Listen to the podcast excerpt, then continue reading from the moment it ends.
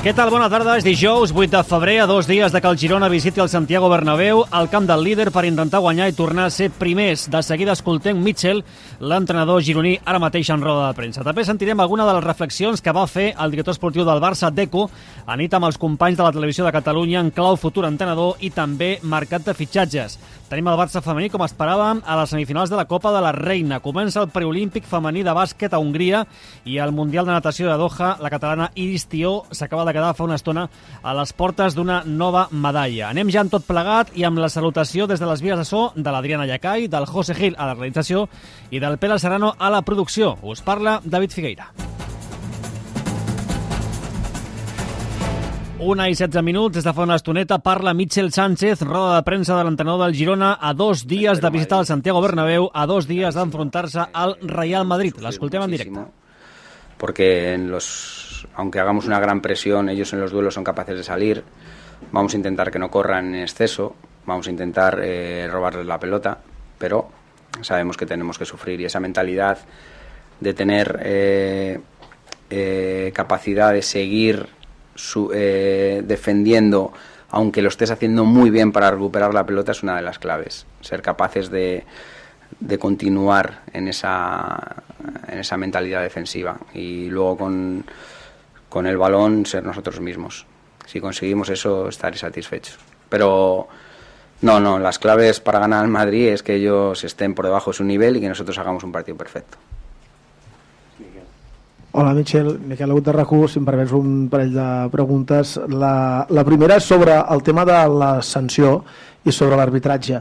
Um, no sé si tenies esperances que acceptessin el recurs eh, que va presentar el club Recordem, Mitchell sancionat si amb dos partits, Daily Green amb un partit, cap dels dos podrà jugar dissabte. Sí, tenia, però això en, en fet del recurs.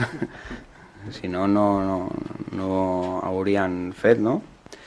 Eh, I no, el, penso que, que l'àrbit té, té pressió, eh, el mateix que, que nosaltres, i, i tothom està preparat per, eh, per fer un arbitratge normal. Eh, I nosaltres estem preparats per, per jugar.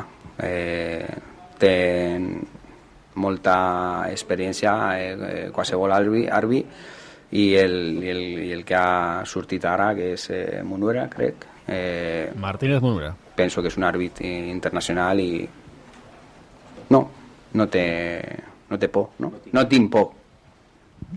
Eh, I i l'altre que volia fer, abans de joc... La tercera. És la segona. Ah. És la segona.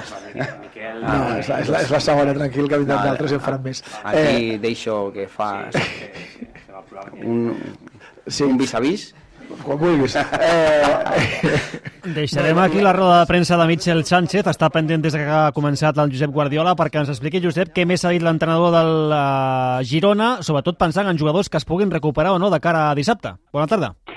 Bona tarda. Doncs mira, bàsicament eh, ha deixat clares eh, dues línies. Una, el Girona no s'hi juga a la Lliga. L'interès del Girona està en classificar-se per a Europa, per tant aquí ja traiem una mica de pressió sobre l'equip en aquesta visita al camp del líder Real Madrid i per altra banda que aquesta setmana ha intentat eh, preparar amb els seus jugadors l'encontre amb tota normalitat. Si és que normalitat vol dir que el mateix Mitchell no serà a la banqueta, com ha quedat dit, ahir ja ho explicàvem, no s'ha anat a apel·lació i per tant es perd el partit del Bernabéu, també el de l'altra setmana contra l'Atlètic Club. Si normalitat vol dir que no podrà comptar amb Daily Blind, que aquí tampoc li van treure la cinquena targeta groga, i si normalitat vol dir que tampoc podrà comptar amb Ángel Herrera, que també va veure targeta la setmana passada i ha de complir partit de sanció. Més enllà d'això, evidentment caldrà veure què passa a l'eix de la defensa. Eric Garcia és eh, intocable en aquesta posició, ara que ha tornat després de lesió, caldrà veure si fa parella amb Juanpe o bé amb Arnau o bé amb el jove Antal. No crec que, que Michel canvi el seu sistema i en aquesta ocasió jugui amb tres centrals malgrat jugar al camp del Real Madrid. Un altre aspecte, com ja comentaves, eh, mm. Martínez Monuera, el valencià, és l'àrbitre que dirigirà aquest partit dissabte a la tarda. No és un àrbitre de mal record per al conjunt gironí, sinó tot el contrari. En Martínez Monuera xiulant, l'equip va pujar el 2008 a la segona divisió i en Martínez Monuera xiulant es va estrenar a primera la temporada 17-18 en aquell empat a dos davant de l'Atlètic de Madrid. Per tant, són algunes de, de les claus, algunes de les coses que es poden destacar més enllà del que ja ha dit Michel en aquesta sala de premsa. Per cert, avui Madrid ha aparegut amb una pancarta gran a l'estil La Porta, mm -hmm. feta per un dels patrocinadors del conjunt gironí, en la qual es pot veure la plantilla abraçada després d'un gol i el lema «Cuando el currículum no lo es todo», que és eh, una mica la intenció del Girona de fer saltar la banca aquest dissabte. Com queda clar, el Madrid 58 punts, el Girona 56, qui guanyi serà líder solitari de la Lliga. Per cert, no té a veure amb el dissabte, però sí que avui també s'ha anunciat que ja s'han obert la, la venda d'entrades per al pròxim compromís, que també serà fora l'altre cap de setmana al camp de l'Atlètic Club. Perfecte. Gràcies, Josep. Bona tarda. Bona tarda. I mirem també al Barça i el partit de diumenge contra el Granada. Veurem si arriben ja Marc André Ter Stegen i Rafinha, si hi ha acceptació per part d'apel·lació de la sanció d'ahir del comitè de competició per eh, Vitor Roque i d'altra banda, Deco va ser entrevistat ahir a TV3, al programa l'11 del canal Esport 3, pels companys de televisió de Catalunya. Germà Garcia, bona tarda. Què és el més destacat que va dir el director esportiu del Barça?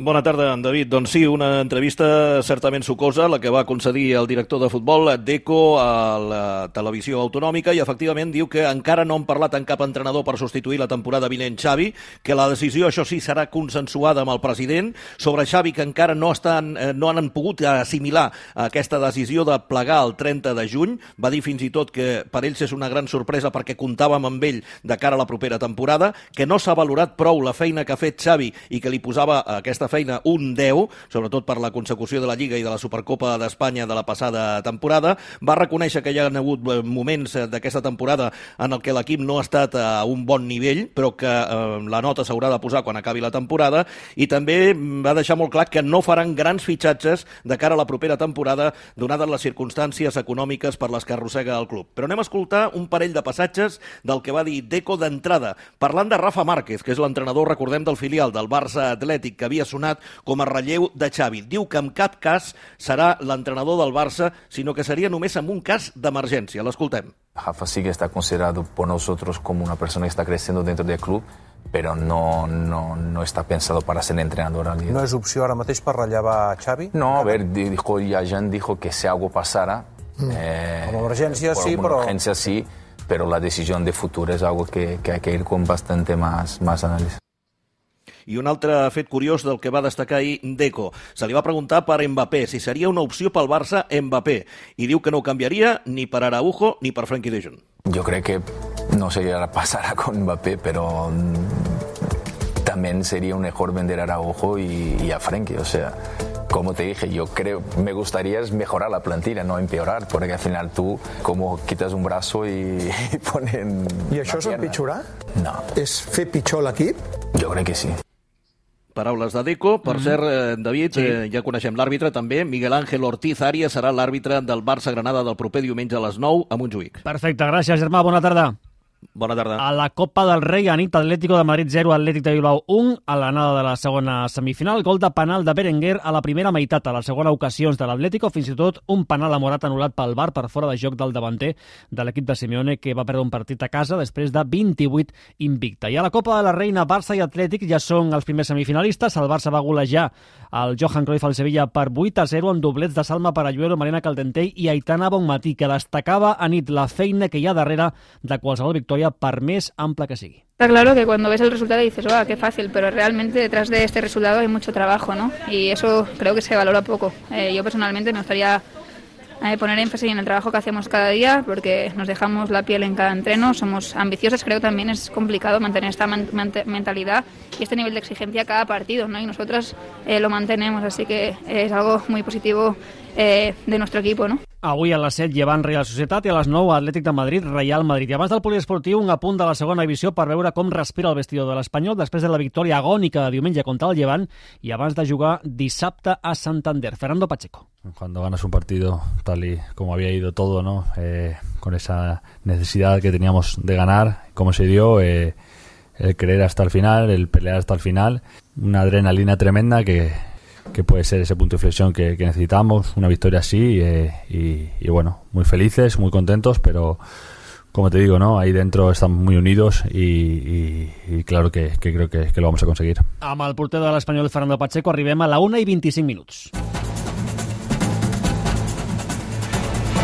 Moment pel bàsquet, Josep Capell, què tal? Bona tarda. Bona tarda. Per mirar primer el joventut, que jugarà d'aquí un mes als vuitens de final de l'Eurocup, lluny de Badalona, després de perdre ahir a la pista del Prometei. Sí, i de forma lamentable. Va perdre 94-80 contra el conjunt ucraïnès després de que anés guanyant al final del tercer quart 58-71. Un parcial a l'últim quart de 36 a 9 els va acabar condemnant. La majoria de jugadors van estar lluny de la seva millor versió. Només Shannon Evans, amb 17 punts i 6 assistències, com dic, va estar al nivell. Incapaços d'aturar a Clavell, Shannon i March especialment. La penya que acaba, doncs, cinquena del grup A de la fase de grups, amb 10 victòries i 8 derrotes, haurà de jugar els vuitens de final, com deies, a domicili a partit únic a la pista del, um, del Ulm alemany, al conjunt de Juan Núñez. En cas de passar aquesta eliminatòria, que jugarà o el 5 o el 6 de març, el següent rival als quarts de final seria el París. I a Hongria comença el preolímpic femení. Sí, Espanya juga avui contra el Japó a partir de dos quarts de cinc. Recordem, preolímpic, eh, Espanya jugarà a Sopron, a Hongria. Els rivals de la primera fase, Hongria, el Canadà i la rival d'avui, el Japó, en parlava precisament de la poca preparació que han tingut de cara a aquest debut. Només tres dies la base catalana, Keral Casas. Sabemos de la importancia que tiene. Hemos tenido tres días literalmente para entrenar. Confía en nosotras, nosotras también tenemos que confiar en nosotras mismas. Al final somos un equipo que llevamos muchos años juntas, la mayoría. Entonces, bueno, eh, partimos de eso, que, nos entendemos bastante y al final que tenemos mucho talento y, y, que eso, la confianza que el entrenador nos la transmite, pues tener autoconfianza en nosotras mismas. Aquest Espanya-Japó, com deia, a partir de dos quarts de cinc. Gràcies, Josep. Bona tarda. I en el repàs diari, el més destacat del Mundial de Natació de Doha, amb el Joan Seixas. Joan, què tal? Bona tarda. Bona tarda. Iris Tió, ho dèiem a l'inici, s'ha quedat a les portes d'una nova medalla per la delegació espanyola. Sí, no ha pogut ser. La parella olímpica no ha pogut repetir el bronze aconseguit en la final de rutina tècnica. Avui en una final de rutina lliure amb molt de nivell i han acabat quartes darrere de la Xina, els Països Baixos i Gran Bretanya. Això sí, el duet espanyol ja ha certificat el seu bitllet pels Jocs de París, passi el que passi demà en la final de rutina lliure per equips. Ahir, medalla de plata pel català Denis González, que va acabar segon en la final de solo lliure, només per darrere de l'italià Giorgio Mincini. El nedador de Rubí es mostrava alliberat. Després de tot el que ha passat amb, els, amb el solo tècnic, amb el duo tècnic també, que a les semis anava bé, però després a la final vam tindre mala sort, eh, jo he anat a morir en aquesta, en aquesta final perquè ho havia de donar tot. En waterpolo, la selecció espanyola masculina va tornar a derrotar Croàcia tres setmanes després de la final de l'europeu. Els de David Martínez van imposar el conjunt balcànic per 10 a 6 i d'aquesta manera s'asseguren tret d'un dalt a baix en l'última jornada la primera plaça del grup que dona accés directe als quarts de final. Avui torn per la selecció femenina a les 5 de la tarda tancarà la fase de grups davant França ja amb la primera plaça assegurada. Gràcies, Joan. I tercer i últim dia dels tests de pretemporada de MotoGP a Sepang, a Malàisia. I amb quines conclusions? Sara Gutiérrez, què tal? Bona tarda. A tarda, doncs, la més evident és que Ducati segueix sent la moto a tenir en compte, ha demostrat ser la més competitiva i, a més, Peco Bagnaia ha estat el més ràpid, el vigent bicampió. És més, ha baixat el crono fins a 1.56.682, podria ser una xifra qualsevol, però és que això vol dir que s'ha establert una nova millor marca històrica del circuit de Sepang. Per darrere d'ell, Jorge Martín, Enea Bastianini i Àlex Márquez, per tant, quatre Ducatis en els quatre primers llocs i el cinquè el tanca una Aprilia, la d'Aleix Espargaró, i en el cas de les Aprilia hem de dir que han estat treballant moltíssim en l'aerodinàmica i és bastant interessant la reflexió que ha fet Espargaró perquè deia que havien, havien afegit no, elements que són més propis d'un Fórmula 1 que no de MotoGP i que fa que sigui tan perfecte en el centre de la corba que per altres pilots és molt difícil avançar i que, per tant, si això ho apliquem en una cursa, doncs adeu a l'espectacle. Per tant, com dic, és una reflexió a tenir en compte i per acabar de comentar resultats resultats de catalans, Marc Márquez ha estat sisè, Maverick Viñales 12 i Alec Rins 16. Gràcies, Sara. És tot. D'aquí 25 segons arriba la Mireia Moreno amb la informació de Caire General. Bona tarda.